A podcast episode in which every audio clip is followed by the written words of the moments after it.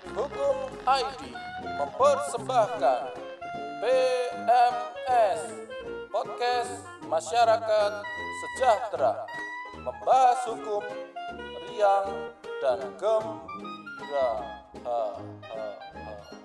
Ya, halo sobat gondes dan perendes di mana pun bagaimana hidupmu masih menyedihkan? Ngoncei telo neng pojokan WC karo berbes mili. Ketemu lagi di PMS Podcast Masyarakat Sejahtera edisi spesial. Karena kali ini kita pakai telur. pakai telur dua Yoi. karena asasnya nulus. Enggak nanti saru enggak boleh. Edisi spesial karena selain ada saya dengan Doro Ulo, kita juga ditemani oleh bintang tamu yang terkenal. Dan juga ini Gus Muson sarjana hukum sedang ada keperluan mencari jodoh Doro, Mendesak, mendesak, mendesak, eh, hasratnya mendesak. oh iya, perkenalkan dulu ini bintang tamu kita seorang Tompel. eh, tompel. karena ada tai lalat tai lalat di tengah mata. Gak gak bercanda. Ini tenaga medis loh, tenaga kesehatan loh Dina. Ya, bintang tamu kita selain tenaga medis, beliau juga tenaga ahli perana, tenaga Core of the dalam, core. core of the core. Ini juga eh, menyandang gelar sebagai ahli mikrobiologi. Oh, ora sih, ket mau aku Bukan. terus. Ya, eh, ralat ya sebenarnya eh, lulusan biomedis. Oh, biomedis. Ya, tapi bukan mikrobiologi. Beda ya? Masih Beda. belajar sih, masih belajar. Beda mas. Oh iya, orang hidup tuh selalu belajar, Oh Mas. iya betul. Mas Tomski. Satria baja hitam tuh bisa berubah menjadi tiga ya kan? Oh iya, Normal, RX, bio. RX, bio. ya kan? Heeh. Kalau yang ada fairingnya RXZ ya. Iya, kalau yang bio ya dia berarti tahu soal-soal masalah kesehatan. Masalah kesehatan. Nah, Kita misalnya bakal monsternya sakit apa tentang gitu. satria baja hitam yang monsternya pada sakit sakit mental. Episode kali ini kita bakal ngebahas soal new normal, Wow. kayak sandal, new, era, Nah, iklan. iklan. Gak apa tapi kalau mereka mau endorse kan silahkan monggo. Oh boleh, boleh banget. Boleh banget. Asal bayarannya murah. Hah? Oh murah. Kita harus yang mulai dari murah-murah dulu. Oh iya, murah minimal ya 5 juta lah ya. Sejam. Oke, siap, setuju. New normal. New normal. New normal. Dari asal katanya dulu Ndoro. New itu baru. Normal itu normal. Normal itu normal berarti normal yang baru. Normal yang baru. Apa sih normal yang Padahal baru? kalau sesuatu yang normal itu berarti nggak ada yang baru. Iya, kan Iya kan? normal. Normal-normal aja. Hmm, normal-normal aja. Kayak paranormal berarti kan dia di atas normal. Iya, abnormal ya dia ya. Para. Abnormal itu warung. Oh, aku gak tahu. Oh, nggak Berarti tahu ya. lagi. Warung abnormal. Dalam frasa bahasanya kan Mm-mm. abnormal itu apa? Di atas normal Di ya. atas normal. Sesuatu yang di luar ekspektasi. Nek new normal adalah normal yang baru atau normal yang dipaksakan menjadi baru atau, atau baru yang dipaksakan menjadi, jadi normal. normal. atau mungkin bahkan sesungguhnya nggak ada yang baru. Ah, iya, atau sesungguhnya hanya cuman isapan jempol belaka. Nggak enak isap jempol nggak Oh, nggak- enak. nggak enak ya? Nggak enak. Eh, tipu-tipu. Iya iya iya. Tipu gelap. Tipu-tipu, PTWL. Iya iya. Nah, apa yang new itu apa gitu? Nggak ada. Apa selain yang baru adalah banyak pekerja yang kehilangan mata pekerjaan. ya. Itu baru, berita baru. Eh bukan berita baru sih, maksudnya baru di tahun ini kan banyak pekerja yang sibuk mempertanyakan aku gajinya gimana gitu. Iya iya Iya betul. kan? Nah, kalau ngomong soal new normal nih, Mm-mm. menurut Mas Foxtrot gimana soal Jangan- normal ini? Jangan jangan menurut saya, menurut eh, bintang tamu aja. Nanti Oh, kan nanti kita ya. tanya-tanya lebih bo bintang tamu aja. rinci, Aku nggak paham materi ya. Yang paham tuh. Gus Musa tapi lagi cuti. Waduh, telepon aja gimana? Oh ya, telepon dulu ya. Heeh. Gus, Kan Gus. nanti takutnya pada kangen. Enggak, saya takutnya tuh dia sendirian terus jo, ngendat gitu loh, Mas. Ngendat. Bahasa lawas banget. Ngendat sarjana hukum Ngendat itu bunuh diri ya kalau ada yang nggak tahu kan. dengan cara menggantung, Ya.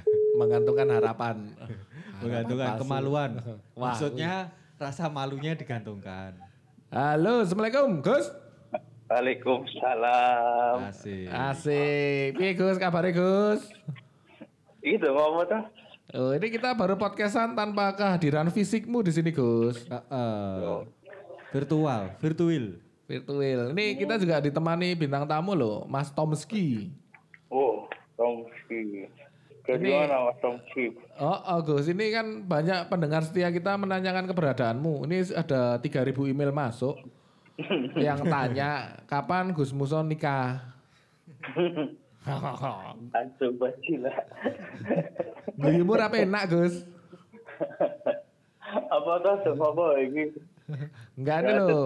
Pendengar tuh pengen disapa oleh suara yang renyah dari Gus Muson. Ya. Halo untuk para Facebook mbak-mbak bersepatu fan. Saya semangat Itulah. Gus, Ya, semangat, semangat. dong. Hah, hah. Aku, aku aku lagi greges ya. Wah, Wah, ini. Ini mesti bakal kesurupan bentar lagi. Ha, Bundan Permadi.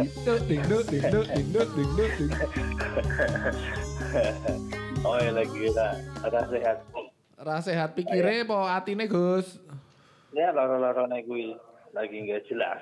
Ya, ini minta sapa sedikit peng- penggemarnya Gus.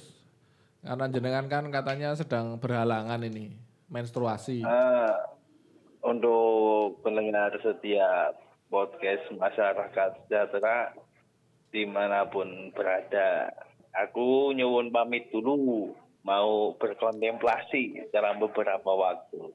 Siap. Bermonitor enggak ini? Monitor, Monitor. itu ganti. Cuman ngomong-ngomong suaramu kok kayak suara orang-orang orde baru ya, lawas. Bajing. Kok iso ya? Habis berkontemplasi terus bersublimasi. Menyublim pakai Dan, sabun. mel- dan melojonisasi. Ra- Nggak bosan mau main sendiri. ya kahanan ya bos. Mungkin Mas Tompel kalau mau ngece Gus Musa lewat telepon boleh. Halo Gus. Halo Mas Tom. Sehat. Ojo ngece ding Mas, ojo nuruti omongane Doro Ulo karo Mas Foxtrot. Yaitu bubal semua. Iya, Bubar iya, piye Gus?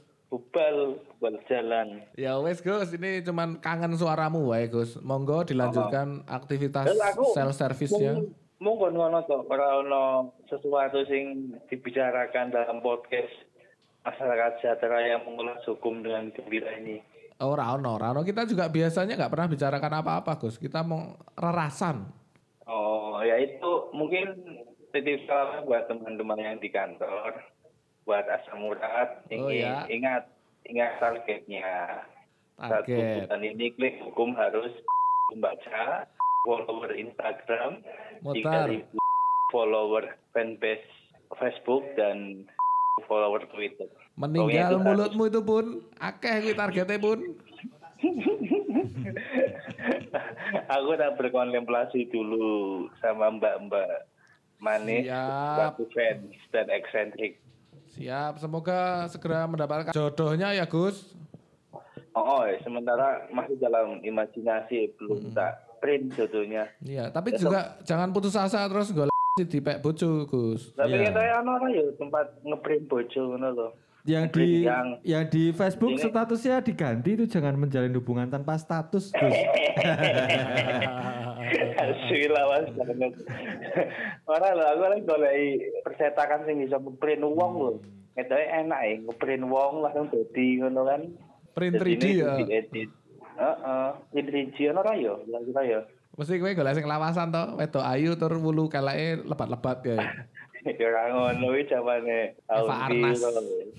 Oke Gus, saya rasa Mbak cukup. mbak, aku ditanya ya, bidang tamu ngono lho. Moh moh moh, males. Gah gah. Apa tanya apa? Pahit pahit pahit pahit pahit. Pahit Lah pahit. neng ngobrol karo sapa ora. Pahit pahit. Nek kowe kesepian yo main-main saja ke kantor Gus. Oh iya, siap nanti tak main. Kami Sementara selalu mau mau dengan tangan terbuka. tugas dulu, tugas negara yang lama tidak disentuh. Tugas mulia. Wah, iki Oh, nggak oh, iya. lama nggak disentuh itu bahaya Gus. Jamur. Ya buat teman-teman pendengar PMS doakan dalam waktu dekat tesisku rampung. Amin. Bisa menghibur kalian. Amin. Di podcast masyarakat sejahtera. Amin. Kompak banget ya amin. Yo, Yo, sebuah yang terbaik untuk Gus Muson sarjana hukum. Heeh. Jahat meneh, Pak Gisel ya, insya Allah ya. Aja YouTubean terus Gus, nanti kamu ndak kesurupan. Enggak apa-apa, kesurupan online. Surupan flash disk. Kesurupan flash disk menang bae kae yo. Mau mojone ada flash disk piye yo? Wah. Wah. yo. Wah, iki putus asa banget kamu Gus, Gus. ya wes Gus. Matur Iya, sembah nuwun Gus, semoga sukses untuk pencarian jodohnya. Sukses Ya. terus Gus. Oke. Dadah Gus. Dodo. Nah, begitu pendengar tadi suara dari Gus Muson sarjana hukum yang sedang berkontemplasi mencari jodoh. Ya, Ya kita kembali ke topik soal nggak ada topik sini. nggak ada ya. Nggak ada. Aslinya ini mau ngobrol. Tompel adanya. ada tompel. Tomski, Tomski. Tomski, Tomski. Mas Tompel. nih. Iya. New normal menurut Mas Tompel, apa sih new normal ki Mas sebenarnya? Iya, tadi belum lengkap ya kayaknya ya. Saya Belum tak melengkapi lengkap. Oh iya, diri monggo, dulu. Ya, perkenalkan namanya sebenarnya bukan Tomski. Hmm, siap. Arif Yowis kalau di Instagramnya. Sekalian Yowis. promo nih. Promo ya. Kayak acara TV zaman dulu ya. Diskon Yo ini? wis. Di diskon nggak ini promo? Ya 50% lumayan nanti ada. Oh, siap. 50% nanti diskonnya. Oke. Harga Covid. Sampai mana tadi? Eh perkenalan diri ya. Melengkapi diri sih. Jadi sebenarnya kalau diagung-agungkan sebagai ahli juga bukan. Tapi kebetulan semenjak Covid ini juga sering membaca. Bahkan juga banyak teman-teman yang di rumah sakit juga sebagai tenaga kesehatan. Saya juga kebetulan tenaga kesehatan tapi memang tidak di garda terdepan. Di garda tengah. Di garda tengah. Oke, siap. Garda Auto. Garda. Siap. Jadi eh, selain eh, biomedis juga farmasi sebenarnya. Hmm, farmasi ya. Iya. Apa Farmatologi. Lah, tekan farmatologi. Farmatologi ilmu yang Ilmu yang mempelajari tentang farmasi. farmasi. Itu. Iya loro, jebule bintang tamune loro. Kamu nggak ada berniat untuk jadi dokter SPKJ gitu besok? Nggak bisa ya. Oh nggak bisa ya? Iya, Ya harus udah. sekolah lagi. Sekolah mahal sekarang. Oh iya. Ya, apalagi new normal juga sekarang ini juga. ya. Makanya anakmu sekarang sekolah. ki. Iya. ya. Oke, itu tadi sedikit perkenalan, terus tadi ditanya new normal ya. Walaupun sebenarnya menurut saya pribadi ya nggak ada yang baru juga sih. Nah, kan? Nggak ada yang new juga. Sebenarnya ya kita hanya melanjutkan hidup yang sebelumnya Semrawut. eh, semrawut, yang sebelumnya kita dibatasi lah ya, dibatasi. Tapi sekarang apa ya kalau pribadi bilang juga ada sedikit pemaksaan karena juga harus masuk di eh, ketentuan yang sudah ditentukan pemerintah bahwa sekarang sudah sampai ke era new normal. Era new normal. Tapi dengar-dengar eh, pemerintah juga masih bimbang ya. Akhirnya dilepas lagi kan. Iya. Diserahkan lagi ke daerah Ke ya. daerah ini yang terbaru Gimana tuh ini eh, pemerintah di- ini? diserahkan ke Bingung, daerah. Padahal bingung. kemarin baru awal Juni itu pemerintah apa mengucapkan lah istilahnya atau berikrar atau bilang kalau kita harus berteman dengan COVID gitu. Karena Waduh, kan juga sudah Aku mau lama gitu. kalian saja yang berteman dengan Covid. Pemerintah aja yang suruh berteman. Oh iya Kalau iya. kita iya. nggak mau. Nggak mau, kita berteman dengan kebajikan. Ya, padahal juga new normal itu kalau seharusnya kalau dari ilmu epidemiologi Nah, ini, Nah, ini, apa itu epi? Epidemiologi Apa? itu sebenarnya Ini berat salah satu keilmuan, dengan salah satu keilmuan, salah satu cabang ilmu kesehatan juga yang terkait dengan eh, prediksi penyakit, Hmm. prediksi infeksi, terus prediksi penyebaran penyakit, Hmm. peta penyakit, nah seperti itu. Nah, seharusnya kalau memasuki era yang baru itu eh, syarat ada beberapa persyaratan. Nah, ini. Selain dari kurva infeksi harus sudah turun dulu.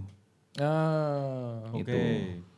Dan Harus ada penurunan ya. harus ada penurunan. Tenang, Pak Tito Karnavian dan pemerintah sedang membuat lomba sayembara menurunkan kurva COVID dengan video. dengan video. pakai Adobe Photoshop. ada Photoshop. Itu kayak sejenis penyakit juga ya. Ini cuman intermezzo aja sih. Sejenis penyakit. apa kuwi? Apa Ya, itu? Penyakit, penyakit apa? Sesuatu hal di negara kita tuh harus selalu dilombakan. oh gitu ya. Contohnya, Lanjut mas. kamu takut tau? Kamu takut kebelasan kan? New normal ya. Jadi seharusnya memang kalau mau memasuki era baru, kalau dalam epidemiologi itu ada penurunan kurva infeksi dulu. Kalau kita melihat Korea itu bisa menjalankan new normal baru karena eh, ada penurunan kurva sama Jepang.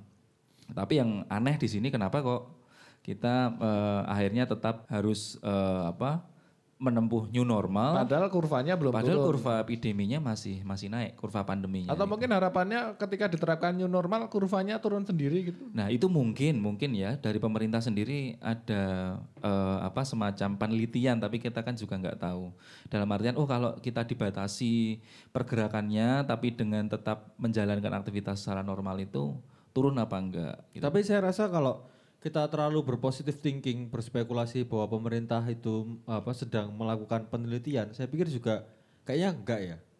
Nggak tahu mas. Mau maksudnya ma- dari mana kita bisa bilang pemerintah Ya sedang mungkin di dalamnya tapi kan kita juga kurang tahu karena Karena kita bukan eh, orang pemerintahan, Kita bukan orang pemerintahan yang pertama. Yang kedua ini dari angka covid dulu ya. Ya, angka covid itu sekarang ini hari ini aja. Tanggal itu- berapa ini? Tanggal berapa ini? 2 Juli. Dua Juli, ya. itu 1600 yang terbaca positif COVID. Hmm. Itu masih angka kurva naik itu. Belum puncak ya. Belum puncak. Malah kita belum tahu puncaknya itu kapan. Menuju puncak. Gemilang cahaya. Wih Afi deh. Oh iya, bukan Covid ya. Bukan Afi. Kan aku ikut serta mengikuti anjuran pemerintah. Angkat koper. Loh, kan angkat koper. iya iya iya. Kalau angkat kelamin susah nanti. Monggo, Mas. Tompel ini rada Ternyata podcastnya menarik juga ya. Baru Menarik. pertama kali Mendorong. saya mengikuti podcast dan ternyata tidak kaku-kaku amat gitu. Enggak, Karena kalau di seminar-seminar itu kan kaku banget Enggak gitu. kita lembek kayak kanebo basah. Iya. Jadi jatuh mak klubruk gitu. Terus dita-ita. ya. Kalau jadi- kering melayang. Ya, yang penting tetap berisi ya. Ya tetap, Tetap kering berisi. kalau kering. Enggak berisi Tetap loh, kering ya. kering. ya, kan, Berisinya karena kering. ada jenengan ini. Biasanya Iya. juga enggak. Oh iya.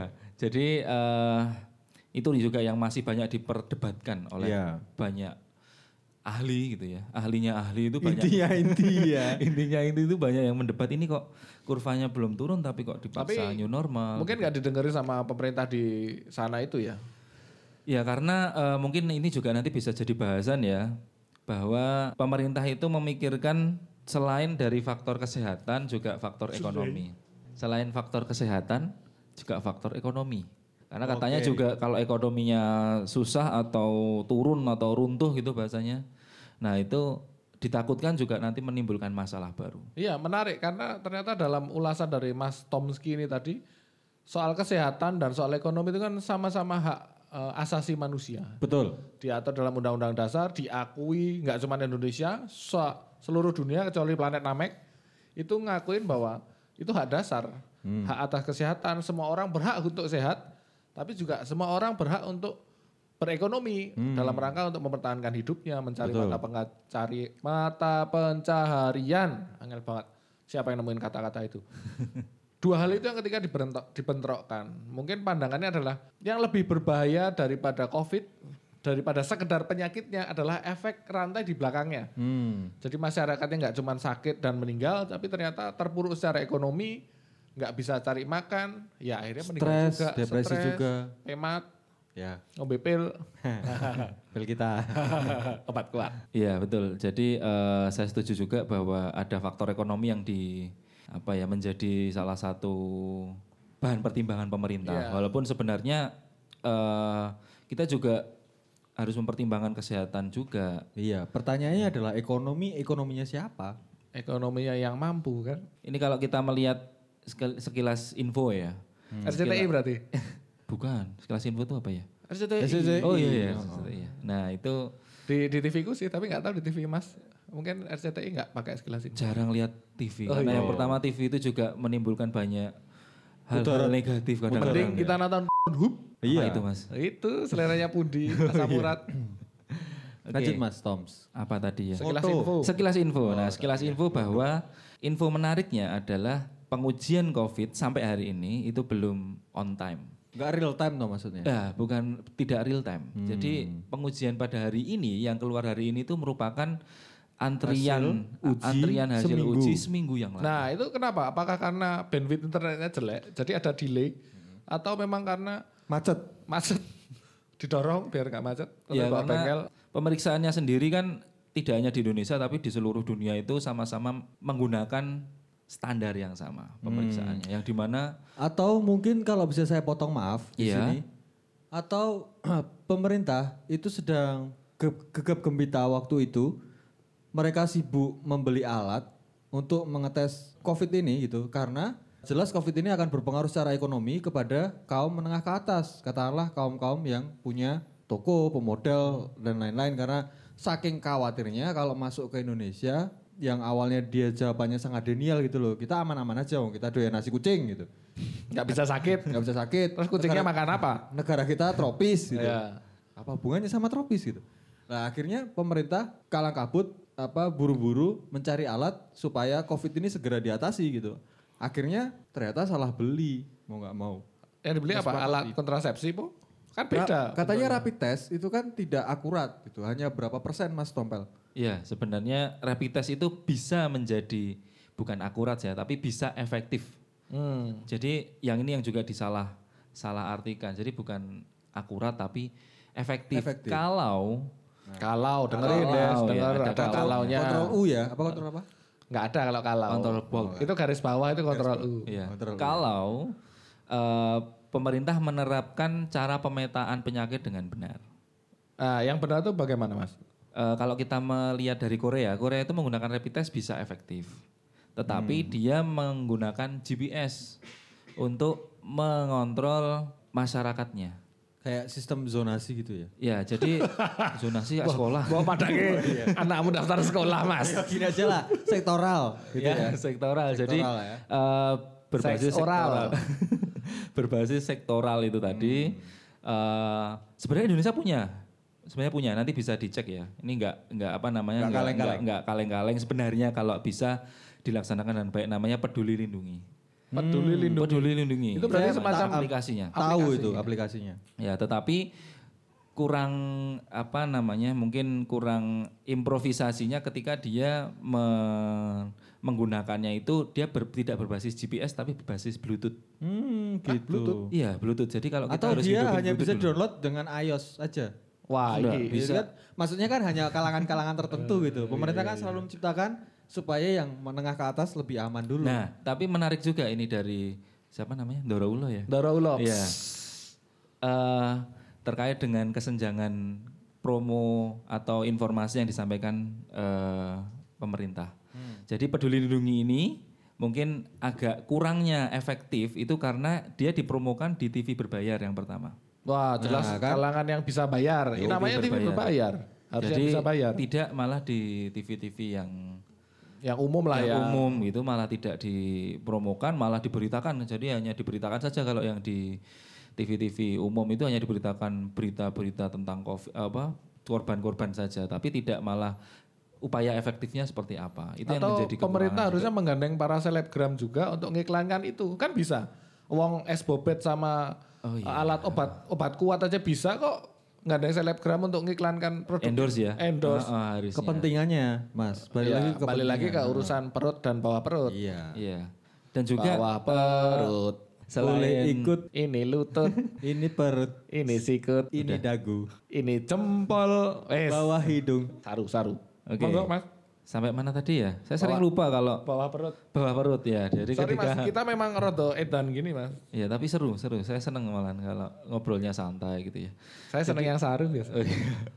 Jadi eh, itu tadi selain informasi yang tidak tersampaikan dari hulu hilirnya. Nah, Jadi saya sempat bertanya nih dengan yang gugus covid tapi yang desa, yang sifatnya masih sektoral eh, apa namanya berarti desa itu kelurahan ya. Ya, desa Nah, dia bahkan malah tidak tahu persis covid itu apa. ngerti dia cuma pakai baju, ada Pakai- tulisan satgas covid gitu ya. Ah, jadi hanya pokoknya nggak boleh demok-demokan gitu. Apa demok-demokan itu? Nggak boleh memegang sesuatu yang tidak dikenali. Iya, tidak- Growol. Dilarang growol sembarangan. Bener. Jadi eh, hanya pokoknya jaga jarak, pakai masker, tapi tidak tahu penularan lewat apa. Lalu bagaimana cara mencegah, bagaimana mengedukasi eh, masyarakat itu masih ada miskomunikasi informasi berarti misinformasi kalau menurut saya. Padahal ketika saya lihat bahwa menurut riset ya ini, masyarakat Indonesia itu cenderung memiliki minat tinggi pada hal-hal terkait motivasi sebenarnya. Termasuk teori psikologi populer misalnya, kayak grit dan grow mindset. Artinya ketika itu dibawa sama orang yang punya apa popularitas yang cukup mumpuni untuk menyampaikan pesan yang figure. public figure untuk menyampaikan pesan yang bagus tentunya itu harusnya sampai kepada akar rumput Ya. biasanya karena sekarang kan HP gadget itu kan Ya, semua sudah orang dimiliki punya. semua orang Iya, punya gitu. Tidak hanya kebutuhan tersier ya, tapi Betul. kebutuhan primer. Iya bangun tidur aja nyari HP, Iya, iya. nggak nyari istrinya atau anaknya. Iya, kenapa ya? Ya itu tadi primer. Iya, karena lebih primer HP-nya ya. Oh, iya daripada istri dan anaknya. Iya. Oke, selain itu tadi ya, terima kasih informasinya ternyata Doro Ulo ini literasinya cukup Baru kali ini. Oh, baru kali Baru kali ini. Baru kali ini biasanya Iya. nggak Biasanya masuk ngeserong. akal. Biasanya ngeserong, iya. Karena kita biasa nobok, Mas. Nobok itu apa? Eh, berarti biasanya kan out of the box. Oh iya. Jadi di luar kebiasaan. Iya, kita kalian- nobok. Kita nggak punya ada- kebiasaan. Nggak ada boxnya ya? Nggak ada boxnya. Iya. Makanya liar. iya, makanya itu. Iya, itu tadi bahwa eh, seharusnya bisa dengan eh, public figure atau bentuk motivasi Ah. dan sebenarnya sudah dilakukan walaupun terlambat. ya lebih baik Kan ada terlambat kan ada juru bicara tidak. juga ya. Setiap hari itu ada juru bicara Covid itu yang sebelumnya Bapak Ahmad Yuryanto, sekarang digantikan Dr. Reisha. Tapi nggak menarik. Harusnya juru bicaranya tetap saya setuju. Mereka pakai selebgram. Karena iya, iya. akhirnya pesannya lebih masuk ketika selebgram yang bilang. Betul. Lebih mudah di Lebih mudah juga ya. karena eh, packagingnya menarik, cantik. Sia- Sekarang siapa yang bisa menolak orang cantik kan? Iya, iya, iya. Jadi sebenarnya kalau kita bahas Covid itu rumit juga. Ya. Eh, rumit, ruwet juga. Ya, jadi eh, pemerintah juga sebenarnya menurut pribadi saya juga istilahnya meng- menggunakan istilah new normal ini juga harus apa ya istilahnya tidak tidak sesuatu yang dipastikan, tapi dia masih menimbang-nimbang kalau menurut saya. Atau bisa dikatakan pemerintah itu self bias, jadi merasa bahwa itu adalah gambaran untuk mencerminkan dari dirinya pemerintah ya, kubu Iya. orang-orang yang punya kemampuan, punya apa eh, Kedudukan. kedudukan itu eh, jadi semua digeneralisir ini harus seperti ini, mau nggak mau harus seperti ini. Ya benar, timbangannya orang ngopo daripada nggak ngapa-ngapain kan mending membuat sesuatu yang kira-kira bisa diterima. Dan menurut kelompok mereka saja, menurut entitas mereka saja gitu. Ya, sebenarnya itu juga yang eh, saya khawatirkan ya. Jadi takutnya karena para ahli juga memprediksi bah, eh, bahkan nih eh, media Australia nih menyebut bahwa Indonesia bisa menjadi hotspot. Hotspot COVID. Passwordnya apa? Apa Tapi nggak ada passwordnya gitu. White coffee. Jari-jari malah kuis. Ya, jadi itu tadi hotspot eh, COVID yang dikhawatirkan gitu. Karena apa? Eh, ini saya kasih salah satu contoh daerah ya. Karena kebetulan adik saya sebagai perawat juga, perawat COVID Siap. di Malang. Oh adik kandungmu Iya, ya? adik Mas kandung. Siapa namanya? Lupa saya. Mas, Mas Rizky. Rizky yang mau Iya. dijodohkan sama adik saya nggak jadi itu kan? Betul. Ternyata kalian besanan toh. Karena saya galak jadi nggak jadi. Nggak jadi ya, ya. Nggak jadi akhirnya. Ya, kebetulan Diracun aja. kebetulan Adiknya. jadi Ini curhat masalah pribadi bersama Mama Ulo. curhat dong, Curhat Ma. dong, Ma. Mama tahu sendiri. Lanjut. Iya, itu tadi eh, yang dikhawatirkan sebagai hotspot sebenarnya bisa saja terjadi. Kita seperti contoh di Jawa Timur itu bahkan kan zona itu kan eh, sebenarnya pemerintah sudah memberikan sektoral atau zonasi Oke. terhadap kejadian infeksi Covid. Ada namanya zona hijau, Zona merah. kuning sama Oh, zona, zona- merah. Dan Jawa Kalau Timur itu malah kuning- mendapatkan Hati-hati ya artinya. hati-hati. Ya, gitu. merah berhenti.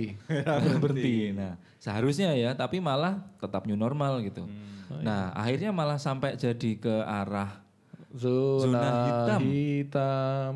jadi Zona walaupun sebenarnya itu udah di luar di luar apa namanya eh, kebiasaan.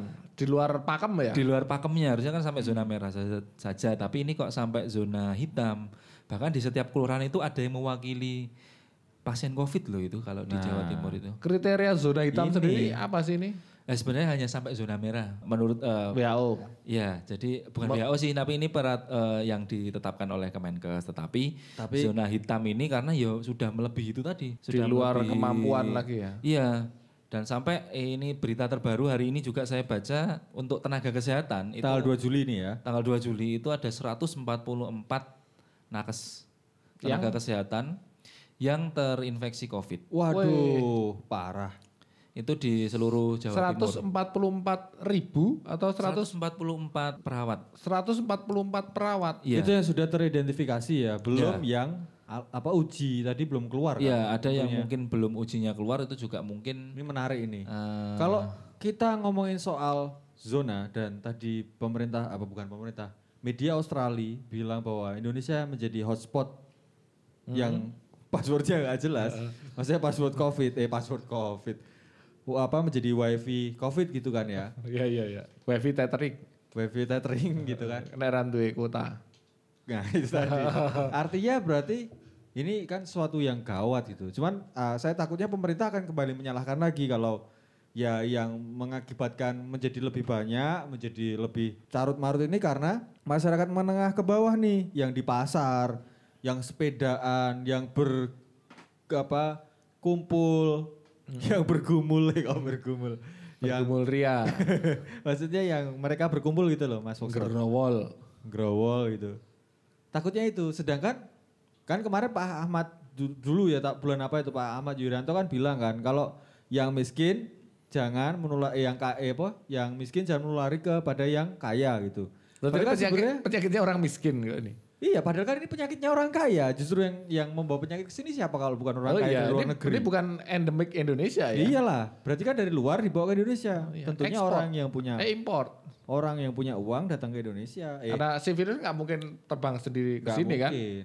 Ya nggak mungkin Thomas Tom. Nggak mungkin nggak punya duit buat bayar tiket. Iya, jadi memang kalau secara data memang awalnya itu penularannya impor, Mas. Wih, penyakit itu import, loh. Impor. Jadi memang kan Nggak bisa pusatnya mau bikin penyakit sendiri. Nggak bisa aja masih impor. Oh iya iya iya iya iya iya iya. iya. Jadi kan epicentrum kalau kita nyebutnya epicentrumnya itu dari Wuhan, tapi China akhirnya ya. Sedangkan Tiongkok lah Beijing ya. katanya kena lagi Iya, ya. gelombang Beijing kedua. ada. Gelombang kedua kan. Dari ikan salmon. Iya, jadi Lo bener lo. iya. Dari ikan salmon dari Eropa Utara sana. Telurnya atau ikannya? Ikannya. Ikan. Telurnya ketinggalan. iya jadi Kan eh, ikannya laki-laki. selesai selesai ya. Iya, itu tadi epicentrumnya dari Wuhan, kemudian impor, istilahnya didatangkan oleh orang karena lewat penularan orang ke orang gitu ya, melalui droplet tentunya. Berarti Nah, di ini- pasar Keragan itu juga bisa jadi karena salmon ya? bisa, bisa. Yang gara-gara ikan tuh penjual penjual ikan itu ada beritanya kan waktu itu. Iya mungkin Sempat bisa ditutup. jadi karena penularan COVID ini memang memang yang pertama lewat droplet tentunya. Ah. Juga eh, yang ditakutkan adalah menular. Memang pembawanya itu pertamanya kelelawar. Ke kelelawar apa kelelawar ya? Ke- Kelelawar. kelelawar ya. ya. Ke kelelawar. Batman. Bed Ya. kasur. Dari situ Manusia kemudian kasur. eh, apa namanya eh, menularkan ke manusia. Karena si kelelawar ini sudah kehilangan tempat tinggalnya atau karena kelelawar ini merasa terancam banyak gadget yang keluar baru. gitu. Kelelawar ini Nggak dia beli. keluar untuk membasmi kejahatan sebenarnya. Batman itu. Gotham ya. iya, Gotham. Gotham. Tapi saya nggak setuju kalau yang pasar keranggan, Mas.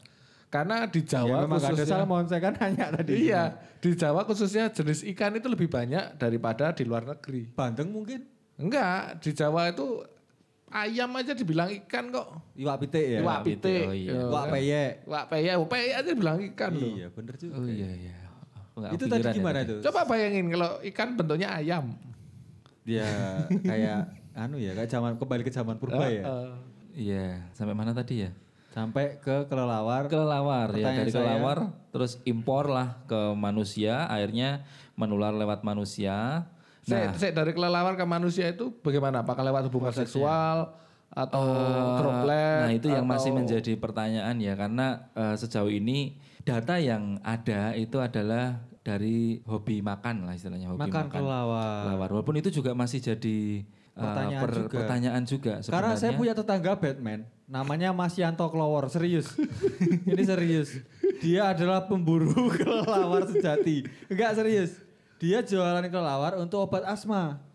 Dan itu dibacem. Jadi kalau orang sakit asma Selama iya. digigitin kelelawar gitu. Saya umur sampai 31 tahun ini menyaksikan bahwa Mas Yanto Klowor tidak pernah terkena penyakit corona.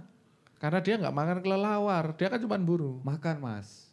Dia juga makan Kalau kambing. katanya pemburu. Dia kan ngicipi bang. Tetap ngicipi pas masak. Loh, berarti orang beli daging kelelawar dari dia itu bekas cincipannya dia. eh kan namanya masakan tetap harus ngicipi toh Mas. Eh, bekas berarti ya. Bekas. Di bekas mas kelelawar, di bekas mas kelelawar. Tapi serius itu, di bawah sastra ada namanya Mas Yanto Klowor. Dia adalah pemburu kelelawar sejati dan sampai detik ini dia gak kena COVID-19 Iya, loh. iya itu makanya, Itu patah eh, loh berarti teorinya. Karena ternyata di yang di Bola etar aku ngomong karo kowe Mas. yang di data itu ternyata di pasar Wuhan ya yang pertama kali di di apa namanya diberitakan Epicentrum itu ya. epicentrum ternyata memang jumlahnya juga tidak sebanyak yang terjadi di tempat lain karena penularannya ternyata paling banyak itu karena kontak yang berulang Hmm. Kontak berulang contohnya Hubungan misalnya seksual berkali-kali gitu. bukan. Kontak berulang-ulang ya penuh dong memorinya. Oh iya, Ya, bisa iya, jadi ya. Atau itu tekoraki ya dikontak berulang-ulang. Oh, iya. Gosong ya? Kosong. Iya, itu tadi. Otak saya. Gimana Mas? Oke, jadi apa tadi? Kontak Mum- ya. oh, mumet Ah, dewe tuh mulai ah, mumet hebat loh. ya, mulai mual. PMS kita tuh hebat. Iya, Bintang hebat. tamu yang punya keilmuan aja akhirnya bingung. Iya, dehidrasi. Dehidrasi. Pergi saja kau ke kutub utara. Iya, Pergi saja. Malah nyanyi. Moga Mas. kontak ya, kontak dari kontak Seksual. seksual, bukan dari kontak eh, yang berulang kan dari droplet ya. Jadi dari kontak Droplet itu apa sih? Itu Mas. Ah, Jadi iya. manusia itu saling itu cuh cuh. Ya sebenarnya kan Biar tidak hanya tidak hanya, tahu ya, Mas. Iya, Ya, tapi tadi. paling banyak dari bersin dan batuk. Oh. Bersin dan batuk. Walaupun, walaupun yang terbaru ini kemarin ditemukan juga di apa namanya sperma. Nah, Nah, ini menarik. itu kan ini menarik mas. Covid itu kan menyerang saluran pernafasan. Apa Iya. hubungannya sperma yang di bawah sampai ke saluran pernafasan? Apakah Nah. itu sperma kena hidung atau nempel di bibir? Kan gak ada yang ngerti. Tapi gak mungkin kan orang jalan kaki terus spermanya ke mana-mana gak mungkin ya? Gak mungkin. Gak mungkin. Betul ini mengerikan masih bahasa basah gitu kan. Emang kayak anjing kita diam-diam tahu-tahu basah. gak mungkin. Iya iya. iya. Oke. Dan sperma itu juga gak mungkin keluar dari celana kan? Maksudnya Dan dia keluar harus, Maksudnya harus dengan alat bantu mas keluar. iya betul. Jadi ya kan kecuali tidak, kelainan seksual ya. Doblo pak tetes gitu kan. nggak tiba-tiba gitu ya. Ngiler. Iya, tapi itu penelitian ngiler. terbaru di Amerika. Memang memang tapi memang ada buktinya bahwa ada di sperma walaupun tidak terus menular melalui infeksi seksual gitu enggak. tapi Itu memang berarti ya. Tetap maksudnya kalau tidak melalui hubungan seksual kan bisa jadi lu- meludah kan? Iya. Di jalan. Cuh gitu. Wah ini masih kering. Cuh gitu. Su saru ya itu tadi tapi eh, apa namanya eh, tetap yang terbanyak itu dari bersin bersin jadi eh, dari di bersin kereta api itu kena semua ya kan? ya itu tadi Apalagi gerbang paling depan ya. Iya. Jalannya maju. Maju. Anjing gitu. Wah, berat ke belakang kena semua ya ngeri. dan juga kan jadi sebenarnya virusnya nggak bisa terbang nggak bisa terbang tapi dia kan beratnya itu tidak seperti Saya. iya jadi tidak tidak berat langsung langsung jatuh tapi dia kan bisa tertiup misalnya kena AC ataupun Iya. apa jadi bisa berputar di area tersebut Berarti ada untungnya kalau virus itu beratnya 100 kilo ya. Bayangin kamu bersin, haji, telepon. Bener bener. tolong, tolong. ah, ini. Aman. Aman. Jadi keplai itu virusnya. Bisa dijajak. Iya, tadi sampai kontak berulang tadi ya. Iya. Ya, yang yang sperma tadi hanya intermezzo saja ya. Tidak Tapi usah dibayangkan dibawa. ke mana-mana gitu. Tapi itu itu si virus memang pada dasarnya ada di sperma atau Iya. dia Jadi gini, ini ini juga menarik nih. Mau nggak mau, telinga kanan dan kiri kita kan kanan kadang kena berita yang tentang COVID menakutkan gitu. Tapi kan ada itunya pepatahnya mas. Apa? Kalau telinga kanan melakukan kebaikan, telinga kiri nggak boleh ikut melihat. Oh gitu ya. Itu tangan, itu tangan ya, tangan, bukan telinga gitu. Nah, yang telinga telinga kiri kita kan dapat juga berita tentang konspirasi gitu. Nah, ini yang perlu juga saya luruskan ya. Jadi Bengkok berarti tadi mas. iya sebelumnya bengkok-bengkok soalnya tentang COVID ini. Jadi Bonding aja mas lurus. eh, apa nama tidak ada orang yang meninggal karena COVID. Hmm. Tapi selalu dikaitkan dengan penyakit bawaan ya. Iya, karena itu tadi COVID itu tidak memang tidak akan ada menurut saya. Tidak akan ada orang yang meninggal tiba-tiba langsung COVID gitu enggak, tapi dia mengacaukan sistem tubuh, Mas. Wah, ini mengacaukan sistem tubuh. ya. Jadi mengacaukan sistem tubuh dalam artian ada namanya ini bahasa ilmiahnya ya, namanya badai sitokin. Badai sitokin. Itu Iya. nama nama marga itu ya. Sitokin. Bukan itu se- eh, apa ya semacam yang ada dalam tubuh kita. Oh, Jadi- namanya memang ba Sitokin namanya. Sitokin, oh, ya, iya, kalau iya. badai itu karena dia kacau dalam tubuh. Oh, istilahnya akhirnya- namanya badai ya. Badai, akhirnya dia kacau, akhirnya dia menimbulkan penyakit penyertanya itu menjadi lebih ganas istilahnya. oh. Berarti analoginya seperti gini. Tapi penyakit-penyakit sorry Mas, Oh, maksud potong sedikit. Tadi lucu loh, Mbak potong mas. Ah, lucu. aku. Oh iya. Ini aku juga cuma nanya. Penyakit-penyakit bawaan itu ada nggak penyakit khusus atau semua penyakit menjadi lebih berbahaya? Misalnya Epilepsi. kayak epilepsi atau misalnya Panu. kayak panu jadi lebih berbahaya, asam urat jadi lebih menggila gitu. Siapa tahu kan. Jadi sebenarnya ke arahnya itu ke arah peradangan sebenarnya. Oh. Radang. Asam urat tuh radang bukan? Eh, kalau asam urat itu Radang beda persendian. lagi, beda lagi, Beda itu. lagi, ya. Beda lagi. Tapi itu tadi bisa menimbulkan kekacauan dan menjadikan penyakit itu menjadi lebih lebih kritis istilahnya. Oh, siap. Peradangan itu apa sih? Kayak tengeng itu bukan peradangan ya? Bukan peradangan itu misalnya Leher contohnya gampangannya ya mungkin kalau kita contohnya gampangnya adalah jerawat. Oh. Jerawat itu sebenarnya peradangan, tapi di tubuh itu sebenarnya ada yang berfungsi menyebabkan radang, ada yang berfungsi membuat Menyembuhkan. menyembuhkan, radang. Ah. Jadi sudah dibuat se- seimbang rupa. mungkin sebenarnya. Tapi karena adanya Covid ini dia menjadi peradangannya semakin banyak semakin banyak. Semakin kacau. Iya, analoginya kayak gini. Eh, penyebab kecelakaan eh kecelakaan itu memang banyak. Cuman kan nggak dijelaskan penyebabnya apa saja. Cuman orang meninggal karena kecelakaan. Ya toh? Iya, kan juga persis ya. kayak gitu, nggak dijelaskan mati ketabrak sepur, po mati kelindes stom, kan nggak ada. Cuman kecelakaan gitu kan. Mungkin analoginya kayak gitu ya bahwa Iya. meninggal karena kecelakaan.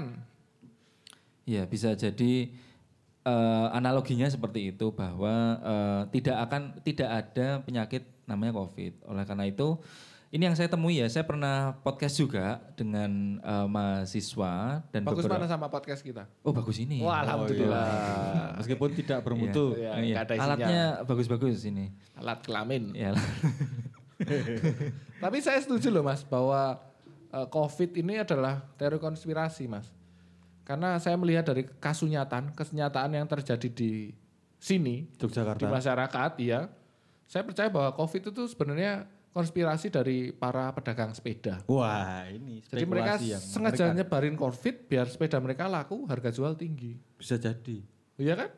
Iya. Loh, kan di luar konspirasi. Oh iya iya. konspirasi. di luar negeri orang menanggapi COVID itu dengan pembatasan jarak, masker Iya, iya. dan lain-lain kita dengan bersepeda. Bersepeda ya. Bisa Dan jadi. ramai lagi ya. Biasa di luar kita ini. Itu pentil harganya jadi mahal itu. Iya. Gara-gara Covid. Tapi yang merah, kalau yang hitam murah mas. Hitam bawa rokok itu murah biasanya. Iya, ada bekas ya soalnya ya. Wah, pentilmu bawa rokok mas. Pentil, bukan pentil. Iya. eh, walaupun sebenarnya niatnya mungkin bagus kalau bersepeda itu kan biar imunitasnya meningkat gitu ya. Tapi juga Enggak gini juga kali nggak ya. gitu juga. Soalnya kamu naik sepeda dari Jogja ke Arab Saudi sana itu. semaput mas. Iya kan? Biar imunnya meningkat. iya gitu. Ibu dia meningkat, nyawanya menipis. berarti, Mas. Ya jadi eh, itu tadi lah kalau membicarakan COVID memang rumit, tetapi ya mungkin kalau saran saya ini kan tetap podcastnya harus ada berisi dan ada anjuran mungkin ya. Oh Mungkin iya, kalau ini ada kayak yang- obat harus dianjurkan. ya kali ini aja sih. Kemarin-kemarin nggak ada isinya. Oh nggak ada isinya ya? Ya saran saya yang jelas mungkin kalau ada pendengar yang bertugas sebagai gugus COVID gitu ya, atau yang bertugas di Kemenkes, mungkin eh, saran saya mungkin bisa diberikan, ini kan juga di klik hukum ya, Ya, jadi betul. bisa ada eh, anjuran apa ya berarti undang-undang untuk bisa sampai ke desa. Nah, Bisa peraturan ke- turunan yang bisa sampai mengikat sampai level pemerintahan daerah terbawah, Iya. terendah. Iya. Karena Penting selama itu. ini kan cuma surat edaran dan Iya. kita tahu surat edaran itu nggak ada sanksinya. Iya. Cuman Oh nggak ada ya? nggak ada, Nggak ada. Mas. Kowe kowe manut ya alhamdulillah, ora ya karepmu. Ini Oh, surat kalau edaran tidak kayak gitu. undang-undang tidak ada Iya, yang Oh, mengandung kewajiban dan hak itu cuman peraturan perundang-undangan. Ya itu tadi eh, yang ada se- selama ini yang saya tahu yang terbaru adalah surat edaran dari gugus COVID. Hmm. Yang kemarin-kemarin itu Permenkes. Kalau Permenkes gimana ya? Permenkes bukan surat edaran sih, Mas, peraturan Menteri Kesehatan. Tapi itu juga mengikat atau anjuran sebenarnya? Lebih ke eh, anjuran. Oh tetap anjuran juga ya? Ah, karena di sistem hukum Indonesia itu kan peraturan perundang-undangan paling tinggi ada undang-undang dasar, terus ada peraturan-peraturan di bawahnya. Hmm. Gitu saya nggak hafal Ya soalnya. ini berisi sekali ya. Luar biasa. Ya, jadi itu tadi kalau saran saya mungkin bisa disampaikan ke gugus COVID-nya bahwa atau temannya mungkin atau lewat komunitas ya kita harus sama-sama banyak literasi membaca dan juga Siap. memberikan saran ke gugus yang paling kecil yaitu pedesaan. Hmm. Gitu karena kemarin itu banyak mohon maaf kebijakan-kebijakan yang dilakukan oleh desa, tingkat desa itu malah menurut saya karena ketidaktahuan terkait dengan Covid. Ya karena peraturannya dari awal gak jelas kok ya Mas Foxtrot ya. Dari dulu, Mas. Dari dulu. Dari Harusnya kan dulu dari ya? awal kan Dari nggak- dulu. nggak genial banget. ah. Wong udah ada undang-undang karantina kenapa harus pakai PSBB? Ya, itu kan sebenarnya cuma trik, Mas. Karantina kesehatan itu karantina wilayah itu bilang bahwa kalau di karantina masyarakat itu jadi tanggung jawab negara. Ya, ya harus dong. Karena negara nggak bisa, keluarlah peraturan pemerintah nggak mau. mungkin sorry. mas, nggak mungkin kalau Nggak mau bisa. mungkin ya. Wong kenyataannya pemerintah masih bahas soal ibu kota baru di Ah. tengah pandemi ini. Pemerintah membuka lahan Ah, secara simultan itu kan di tengah pandemi ini. Pemerintah jelas-jelas membuka ruang pintu besar-besar untuk investor. Pemerintah malah mau mengadakan pil apa? Pil koplo. Pil koplo apa pencoblosan kan, pilkada Nah. kan. Untuk Padahal kita nggak siap ini. Lo nggak siap apa ya pilkada mau dilakukan di rumah sakit gitu. Padahal rumah sakit bukan tempat pemungutan suara. Apa yang nggak mampu itu? Rumah sakit punya ekosistemnya sendiri gitu kan. Betul. Udah berapa puluh tahun Papua ditutup sama pem- pemerintah Indonesia gitu kan. Informasi nggak sampai, nggak keluar dari Papua gitu. Hmm. Berapa puluh tahun naik Pulau Jawa sekecil ini apa susahnya sih pemerintah untuk melakukan undang menerapkan undang karantina? Ya mungkin political will-nya nggak sampai situ mas. Bisa itu tadi karena nggak mau ngopeni masyarakatnya akhirnya dibuatlah peraturan pemerintah soal PSBB. Iya. Bahwa PSBB kue tetap neng omah tapi golek pangan dewi. Negara ora arep mangani kue. Nah, Pinter kan? pinter. Apa jangan-jangan new normal ini juga ya udah terserah aja yang penting kalian tetap menjalankan ekonomi, Ah, yang penting ah. eh, toko-tokoku masih tetap buka. bisa, Investor masih bisa jualan sepeda. Nah, Iya, investor masih bisa jualan sepeda, masih bisa membuka lahannya. Kalau mau banyak yang mati ya malah aneh itu. Pemerintah Iya. bisa lebih gampang lagi untuk apa me- mengambil lahan secara paksa gitu. Ya kayak menarik kayak kemarin acara di Bilik Hukum di Facebooknya klikhukum.id kita menghadirkan bintang tamu Pak dosen Abdul Ghafar Karim. Menurut beliau kan waktu itu ada pertanyaan, Pak benar gak sih COVID ini ada? Kok eh, beritanya kayak gini, gini, gini, gini? Menurut beliau menjawabannya beliau diplomatis dan mungkin kenyataannya memang begitu. Bahwa COVID itu memang benar-benar ada. Cuman diperparah dengan kepentingan-kepentingan yang ada di atas sana gitu loh. Hmm, iya. Covidnya memang sudah ada, cuman ada orang menyetrum di air keruh. Kalau men, apa mengailkan dapatnya dikit. Iya. Kalau nyetrum dapatnya saat Dapatnya anak banyak. dapat Heeh. banyak. Atau dia ikut mati gitu kan. Kan mati pas kuyuh gitu ya, Kesetrum. manue. Jadi ada orang yang menyetrum di air keruh, Burungnya di atas maksudnya kan? heeh, burungnya di atas. Iya, memang di atas. Salto apa gimana? Enggak terbang, Mas. Oh terbang ya. Iya. Kalau burung salto mumet. Oh iya iya. Ada Iya. orang yang menyetrum di air keruh tadi, dia memanfaatkan demi kepentingan perutnya. Contohnya adalah kayak eh, alat tes untuk COVID. Kenapa di setiap eh, instansi kesehatan satu dengan tempat lain harganya beda, berbeda. Padahal alatnya sama. Sama ya. Bahkan Doro Ulo punya teman yang bisa bikin versi lebih murah gitu loh. Iya. Kenapa nggak itu yang dipakai? Kepentingan lagi, Mas. Ada tukang bakso nggak ya? Nggak ada mas. Nggak ada nyaman ya? Di sini nyamannya jadi tukang cilok mas. Tapi bawa hati. Iya, jadi eh, mungkin menanggapi ya terkait dengan itu tadi memang ada political will ya, berarti yang harus eh, atau yang sebenarnya ada salah di sana ya. Ada yang dicurigai gitu.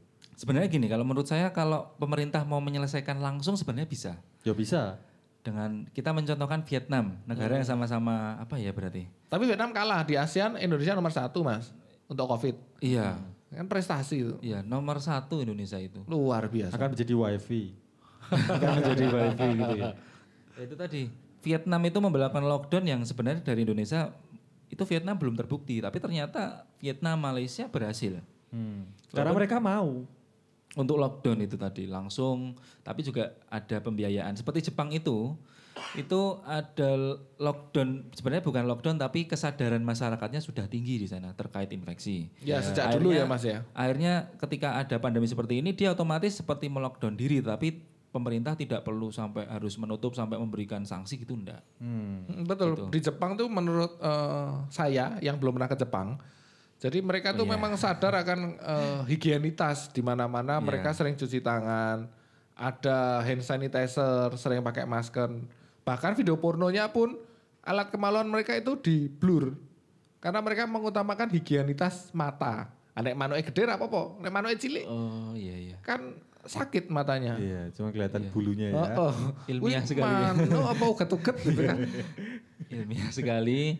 Ya. Luar biasa kan karena kita nobok mas. Iya, karena nobok ya sampai Nobok situ. jadinya Iya. goblok kita ini. Tapi ya masuk akal. Jadi karena di Jepang itu memang ada peraturan, tetapi selain itu kesadaran masyarakat sudah tinggi. Eh, dan juga di Jepang itu dari sisi pewaspadaan ter- kewaspadaan terhadap infeksi juga tinggi. Hmm. Dan yang bagusnya di sana itu ilmuannya dibebaskan. Jadi kita tidak Bebas selalu menuntut ke, ya bebas ke mana-mana pakai baju. nyari apa gitu bebas. Maksudnya untuk mendeteksi COVID itu dia diberi kebebasan untuk kamu punya metode apa, kamu punya Caranya metode seperti gitu apa ya. gitu ya. Tapi di Indonesia ini masih secara birokrasi gitu. Nanti yang untuk alat yang selanjutnya har- eh, bulan apa produksinya masih seperti itu. Berarti perang dagang ya. Dan eh, Sepertinya Indonesia- ada juga eh, apa namanya isu itu juga juga kencang juga ini dan selain pamer ya COVID. orang Indonesia ya. Mentang-mentang udah bisa apa? bikin alat, tuh ini kita bulan ini menciptakan alat ini sekian, nanti bisa bla bla bla bla bla gitu lagi kan padahal aslinya nggak berhasil gitu. Nah ya itu tadi. Jadi eh, sebenarnya kalau kita mau mengadopsi cara Jepang bisa sebenarnya. Jangan mas, kita harus melahirkan sendiri, jangan adopsi. Karena iya. syarat untuk adopsi itu panjang mas. Wah itu nanti Banyak. ada aturannya. yang Ada aturannya iya. sendiri Oh, iya, syarat iya, untuk iya, adopsi itu. Angkat anak tuh mas? Bukan. Ya kita itu angkat L. apa itu mas? Wah, nanti habis ini. Iya saya soalnya ini ilmiah nggak tapi itu? Ilmiah, wah, Ilmiah Indonesian, juga ya? Indonesian Liars, Liars Club kok. Ilmiah Oh, iya, alami, iya. ilmiah alami, ilmiah alami. Oh iya iya. Ya itu tadi saran saya terkait COVID mungkin bisa anjuran lah kalau kita terpaksa new normal ya berarti anjuran yang baik kepada gugus yang paling kecil yaitu kelurahan. Dan selain itu juga ya mau nggak mau kita menjaga imunitas masing-masing sekarang ini karena Nah, arahnya itu ini tuh. arahnya ini sekarang itu kalau menurut saya secara pribadi itu Indonesia mungkin tadi dibahas bahwa pemerintah seperti membebaskan gitu ya. Jadi sebenarnya ada metode namanya herd imunitas. Wah ini ini bahasa Inggris, bahasa asing nih. Nah, herd imunitas ini suatu populasi yang sudah eh, berhasil melalui pandemi, krisis pandemi ini, akhirnya ada semacam imunitas alami untuk melindungi populasi yang lain. Seleksi alam ya. Ya, tapi jeleknya itu tadi kita bicarakan akan menjadi seleksi alam. Karena apa? Karena sebenarnya herd imunitas ini harus ada namanya vaksin dulu. Tapi kita nggak ada vaksin, oleh karena itu ya mau nggak mau kita harus berperang benar-benar atau berteman ya, berteman apa berperang sebenarnya? Berperang dong. Berperang, betul. Berperang ya. Jadi berperang dengan Kalau berteman tuh dengan kebajikan. Iya. Iya, Kumpulono. Tombo hati. Ono limo perkara nih. Kaping pisan maca Quran lan maknane. Kaping loro. Kapling larang, Mas. Lanjut, Mas. ya itu tadi. Jadi sampai mana ya tadi ya? Tombok hati mas. Tombol hati tadi ya. Jadi harus kita harus menjaga imunitas. Terpaksanya sih kalau Apa sih saya. Mas IGG dan IGM maksud Mas Tompel di sosial media Wah, Mas Tompel kan? ada IgG dan Bahas IgM IGG, juga ya. IGM itu kan biar teman-teman tahu gitu. Ya, itu sebenarnya beda lagi namanya itu ilmu imunologi, ilmu yang pelajari tentang eh, antibodi dan Wah antigen. ratakan gue mesti ndoro, ratakan. Oh, ya kepiur ya. Nah, seperti itu ya. Ya pokoknya itu tadi bahwa akhirnya tubuh ini akan menghasilkan antibodi kalau kita membicarakan herd imunitas. Ah. Antibodi alami di mana akan bisa apa namanya menghadapi pandemi ini. Pasti pandemi akan berakhir tapi cuman caranya Dan kapan Dan waktunya kapan. ya. itu tadi. Tapi menarik ini disambungkan dengan teori dari eh, teman-teman dari ilmu sosial. Oke. Sosial, soal social equilibrium. Wah, ini menarik nih. Bahwa ternyata eh, masyarakat sosial itu ternyata punya rumusnya sendiri untuk selalu menyeimbangkan eh, kehidupan. Jadi kayak alam tadi Ada Mbah Dukun. sedang ngobatin mantannya. Pateni wae. Kayak Mas Tompel tadi bilang bahwa badan Tomski, ini Tomski. Tomski tadi Iya. bilang badan ini sebenarnya punya mekanisme sendiri. Iya. Dia punya eh, apa sesuatu yang buat radang, dia juga punya anti radangnya. Alam kan ternyata juga kayak gitu. Selain dia nyanyi Hmm. Iya. badukun ya, Iya. sebelum kamu nyanyi, ternyata alam itu juga punya keseimbangannya sendiri. Ada ada penyakit pasti alam punya obatnya. Ada Iya. kehidupan, ada kematian kan. Kalau alam nggak punya obatnya, Fatty Vera punya obatnya. Oh iya kan kakak adik. adik. Betul, betul, betul. Iya, ya saya setuju juga kalau dari disambungkan dengan sosial Librium. equilibrium atau eh, akan menyesuaikan keseimbangannya sendiri ya. Jadi memang sebenarnya arah herd, arah herd imunitas itu juga ke arah itu mas. Jadi nantinya juga akan seimbang sendiri walaupun caranya mungkin kita akan Cara keras ya. cara keras gitu. Di Indonesia keras ya. Keras. Iya, Indonesia keras. Ketika herd immunity itu memang di apa nyatakan bahwa itu mungkin bisa menjadi solusi, berarti kan protokolernya harus siap nih. Lah kesiapannya di saudaranya Mas Sompel sendiri yang di Surabaya itu gimana gitu. Nah, ini mungkin Mencontohkan ya. eh, tadi sudah dibahas ya bahwa ada 144 nakes. Ini sebenarnya yang saya takutkan itu tadi. Yang ditakutkan saya pribadi itu adalah nanti kalau semua nakes mayoritas terkena COVID, lalu yang menolong untuk penyakit lain siapa gitu.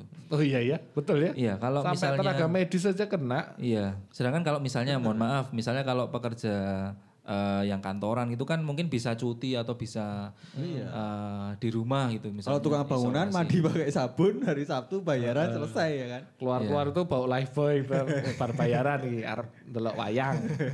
Kalau tenaga kesehatan kan nggak mungkin. Enggak mungkin. Ya, itu tadi yang saya takutkan adalah nanti kita malah menjadi krisis tenaga kesehatan Iya, yang saya betul. takutkan gitu. Karena Atau bisa jadi malah tenaga kesehatan nanti diambil secara serampangan. Bisa jadi loh itu mas. Bisa jadi juga karena kan Karena mendesak itu tadi ya ya. penyakit sendiri kan tidak hanya Apa mas? Mendesak? Mendesak. Oh mendesak. mendesak apa mendesak? jadi tidak hanya penyakit infeksi Covid saja tapi kan banyak ya. Ya, Banyak infeksi infeksi seksual kelamin. misalnya. Bahkan yang ya, mohon Sama maaf kita, ini kalau kita sambung-sambungkan ya terkait dengan uh, peraturan terbaru ya yang dikeluarkan pemerintah ya terkait dengan kenaikan BBM. uh, BPJS. BPJS itu jadi Oh. juga sebenarnya juga jadi pro kontra juga di tengah pandemi Iya. seperti ini dinaikkan apa namanya Iya, karena sudah defisit mas. Bahwa cukai Iya. tembakau udah nggak cukup buat nambal iuran BPJS. ya mungkin besok jadi pajak sepeda mungkin Padahal namanya iuran itu nggak wajib loh mas. Oh iya, iya, kalau iuran, iuran itu nggak ada yang wajib, wajib. iya. Tapi Iuran. kenapa ketika apa negara sedang defisit, kenapa malah mem- mempertanyakan ibu kota baru? Malah ngomongin Ya. soal pilkada. Mungkin dia sudah bosen dengan ibu kota yang lama mas. Jadi dia harus cari yang baru. Biasa tuh bosen Oh, iya. beli baru. Maskulin banget ya Maskulin. Bosen beli baru. Iya, iya, Nggak iya. menyelesaikan masalah dong. Iya. Kayaknya kota itu tidak bisa dibenahi lagi. Eh, eh, beli baru. Kurang ajar. Eh, brand, brand new info. ya itu tadi jadi eh, yang saya takutkan adalah dari sisi tenaga medisnya yang eh, saya khawatirkan kalau nanti jumlahnya menjadi krisis Iya. jumlah tenaga medis itu tadi Dibandingkan dengan jumlah eh, penyakit, semua penyakit ya, nggak cuma semua COVID penyakit ya. iya Iya. Dan penderita penyakit-penyakit tersebut. Ya itu tadi. Jadi eh, mungkin bisa di ada koreksi juga ya dari pemerintah untuk terkait dengan new normal ini protokolnya apakah benar-benar sudah dijalankan apa enggak? Karena di beberapa daerah itu new normal diartikan bahwa oh sudah sesuai normal gitu. Hanya nggak pakai masker, nggak jaga Nyepelek jarak, ya. nyepelek ya itu sebenarnya nanti akan jadi ditakutkan ya hotspot itu tadi. Ya, Kayak padahal kondom mungkin kepalanya. oh ya, reso bekantap. Nah, Meledak- daripada meledak- susah, meledak. dikasih masker gak mau dipakai gitu. Ya itu. Hidungnya Jadi di- Tapi menariknya gini mas, eh, bahwa negara-negara maju lainnya itu Maju kan ke mana, Mas? maju ke depan, Oke, kalau ke belakang mundur mas. Kalau ke samping itu melebar, Nyerong. nyerong. Kalau ke atas meninggi. Negara-negara maju lainnya bahkan yang seketat itu mereka masih kebobolan dengan terjadinya gelombang kedua. ya Ya, Kalau ada gelombang kedua nggak menutup kemungkinan ada gelombang ketiga. lebih mahal tentunya Lebih bayarnya. mahal. Kayak kuliah kan gelombang satu. Kecuali gelombang pakai iya. itu penerimaan jalur khusus kan. Nah, Eh, eh, zonasi. son. Eh, khususon. Iya kan mereka yang kayak Jepang, Korea Selatan yang kemarin sudah sempat membuka sekolah-sekolahnya ternyata malah terjadi eh, penularan di dalam sekolah itu. Yang seketat itu sampai mepet-mepet susah bergerak itu Medet-medet gitu ya. gitu. Mereka masih kebobolan. Apalagi kita yang nyepelek medet ya? ke, Iya. nggak medet. Kita yang bodoh. Gombor-gombor kan. Iya. Jebre. Iya itu tadi yang apa mungkin saya khawatirkan secara pribadi gitu ya. Gak cuma kamu mas yang khawatir. Semua saya ya juga banyak khawatir. ya yang khawatir ya. Walaupun sekarang ada juga pemerintah akhirnya ya PSBB tetap bisa jalan. Nah ini tadi yang kemarin juga loh kok PSBB, Nah iya nggak jelas kok PSBB tetap jalan mereka. Iya tapi new normal gitu yang jadi kita kok jadi bingung juga ini PSBB diserahkan daerah tetapi new normal. Tapi gitu. justru itu pentingnya pemerintah Indonesia. Kalau pemerintah Indonesia berubah menjadi serius malah saya yang kaget. Kalau Padahal pemerintah serius kan udah bubar. Iya, pemerintah Indonesia bikin bingung, memang selalu bikin bingung dari dulu. Kalau nggak bikin bingung malah saya yang heran. Loh, kenapa tuh pemerintah kok nggak bikin bingung gitu? Jangan Harus bingung ya. samakan Harus bikin bingung dengan pisau belati. Yeay. Asu bukan manusia. Memang. ya kan? Memang asu bukan manusia. iya. Oke. Ya. Gimana itu tadi. Mas? Ya itu tadi eh, pesan terakhir saya gitu ya dalam podcast ini. Oh iya, tak pikir aku Nanti udah mau menambah ini pasti gitu ya. meh tahlilan boy. Iya, jadi bahwa COVID ini memang benar ada dan juga new normal ini juga harus hati-hati bukan berarti normal itu terus iya balik normal gitu yo kita Bahkan harus bertahap ya. Ada ada lima tahap kalau nggak salah. Bukan langsung biak dibuka Iya, terus jadi ada- dilalerin gitu. iya toh. Iya benar. iya benar nanti ada lalernya datang gitu ya Tetap masih ini ya Mas, kayak anjuran pemerintah ya jangan maksudnya jangan sembarangan yuk terus jangan pulang. Emangnya sampah sembarangan. Ya kan orang Indonesia kan kayak gitu. Oh iya iya iya. Pulang ke kampung halaman kan buktinya kan beberapa kasus itu itu kan terjadi karena ada keluarganya yang datang gitu Dan dari itu luar meledaknya kota. setelah lebaran. Setelah lebaran. Mudik Kemarin tadi. ini belum lama ini ada eh, saya nggak mau nyebutkan daerahnya tapi ada di Jogja, ada keluarga yang datang dari Surabaya. Bantul akhirnya ya, satu Bantul ya? Malah dibuka. Sekeluarga akhirnya kena Covid gitu. Kan Oh, iya, ya boyo jangan kayak gitu itu loh, udah tahu tempatnya zona hitam. Zona. Kamu tuh nggak usah ke mana-mana, udah nanti dulu nunggu sampai vaksinnya ditemukan mungkin. Kalau kamu ngeyel, kamu tetap datang ke rumah orang yang kamu cintai, kamu pulang, yang kamu cintai sudah dirubung semut. Tahu nggak kamu? Dan dilalerin. Ya, itu sih kalau dari saya. Itu closing statement dari Ndoro Ulo. Dari Mas Tomel, closing statement. Udah tadi closing closing Oh closing. tadi udah closing iya ya? udah closing kalau dari Udah saya tutup target berarti. Iya. Ini berarti giliran saya. Karena ini podcastnya klik hukum. Berarti harus ada hukum-hukumnya. Ya sih. Berarti hukum itu harusnya berperan di situ karena hukum sebagai alat kontrol sosial harus bisa ngatur kontrol Bapak Gede. Siap. Hukum sebagai alat kontrol sosial harus bisa mengatur kegiatan sosial warga masyarakatnya itu sendiri. Karena itu adalah kegunaan hukum kan. Ya. Kalau hukum nggak ada di situ buat apa? Ya. Ya toh, kayak kita ngebahas hukum dengan riang dan gembira. Nggak nggak boleh kita ngebahas hukum dengan bahasa yang berat-berat. Iya. Karena- kita nggak mampu. Karena kita nggak mampu gitu kan. Kita harus bisanya riang gembira biar grassroots juga paham. Iya. Semua masyarakat paham. Karena Gondes dan hukum perendes tahu. Gondes, perendes yang ngoncek telo sambil mewek itu paham. Sahabat Gopur, Gondrong Purba juga Gondrong paham. Purba paham, Asam Murad paham, semua paham. Karena hukum adalah hak setiap manusia. Asik. Tangan. Terima kasih Mas Tomski iya sama-sama sudah bersedia menyanyiakan waktunya hadir di sini. iya Terima kasih eh, Ndoro Ulo Siap. sudah tetap menjadi ulo. Iya, i. nggak jadi kecebong atau kampret. Eh, Kampret lagi nato di Malioboro. ya ya ya. Temannya Mas Daru itu. Oke, sobat Gondes dan Perendes di mana pun anda berada, terima kasih sudah menyanyikan waktumu dan mau dibodohi oleh podcast masyarakat sejahtera. Tetap bodoh karena orang bodoh mau belajar, hanya orang males yang nggak mau belajar. So, sampai jumpa lagi di lain waktu dan kesempatan kalau masih tayang kita. See you when I see you des.